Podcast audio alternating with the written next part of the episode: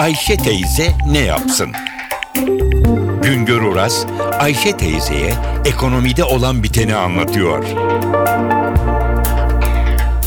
Merhaba sayın dinleyenler, merhaba Ayşe Hanım teyze, merhaba Ali Rıza Bey amca.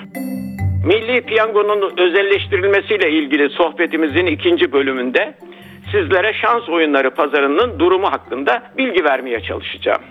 Milli Piyango İdaresi'nin özelleştirme ihalesiyle bu kuruluşun düzenlediği şans oyunlarında imtiyaz özel sektöre devredilecek ama Milli Piyango İdaresi Türkiye'de şans oyunları pazarındaki tek oyuncu değil.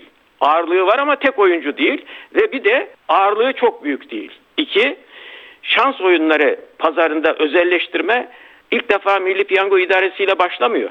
2008 yılında yürürlüğe giren bir kanun ile iddia oyunu oynatma imtiyazı özel sektöre kullandırılmaya başlandı.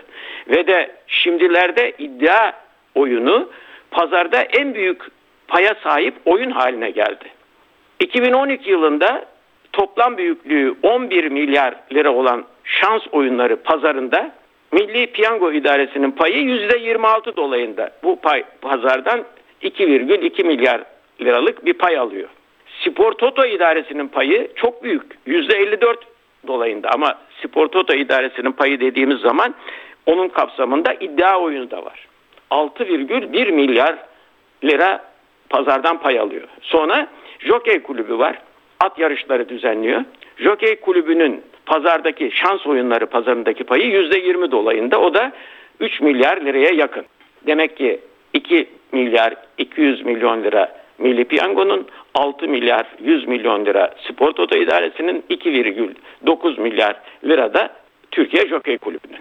Son 3 yılda en hızlı büyüyen pazar Spor Toto İdaresi'nin pazarı diğer iki pazardan iki katı daha fazla büyümüş durumda. Spor Toto 1960 yılından bu yana piyasada bir şans oyunu oynatıyor. Fakat Spor Toto Teşkilatı bu şans oyunu işini pek beceremediğinden 2004 yılında portföye giren iddia oyunu oynatma imtiyazı özel sektöre devredildi. Bunun için özel bir kanun çıkarıldı. 2008 yılı başında meclisten geçen bu kanunla iddia imtiyazı ihaleye çıkarıldı.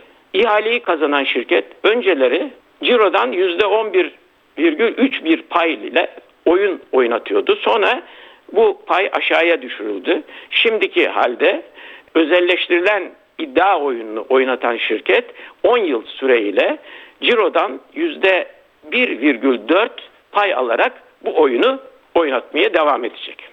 2012 yılında şans oyunları pazarının toplam büyüklüğü 11 milyar 300 milyon lira dolayındaydı. Bu pazarın yaklaşık yarısı 5,5 milyar liralık bölümü iddiadan geliyor. Yani iddianın pazarda çok büyük bir payı var. Gelelim 2012 yılında şans oyunları pazarından toplam 2 milyar 200 milyon lira pay alan Milli Piyango İdaresi'nin cirosunun dağılımına. Yani Milli Piyango İdaresi'nin cirosu da sadece tayyare piyangosu bileti satışından gelmiyor. Daha başka oyunlardan geliyor. Bakınız 2012 e, yılında 2,2 milyar lira cironun 560 milyon lirası piyango bileti satışından gelmiş. Ama aynı rakamda satış sayısal loto cirosundan oluşuyor. Bakınız sayısal lotonun geliri tayyare piyangosu gelirine eşit gibi gelmiş. Daha sonra 170 milyon lira hemen kazan oyununun cirosu var. 200 milyon lira 10 numara cirosu var. 280 milyon lira şans topu cirosu var. 440 milyon lira da süper loto cirosu var. 2012 faaliyet raporuna göre Milli Piyango İdaresi vergiler dahil bu 2 milyar 200 milyon liralık e, satış gelirinin 1 milyar lirasını ikramiye olarak dağıtmış. 230 milyon lira da o dönemin karını oluşturmuş. Onu da devlete devretmiş. Demek ki özelleştirilecek olan Milli Piyango İdaresi'nin büyüklüğü işte bu kadar. Bir başka söyleşide birlikte olmak ümidiyle şen ve esen kalınız sayın dinleyenler. Güngör Uras'a sormak istediklerinizi ntvradio.com.tr adresine yazabilirsiniz.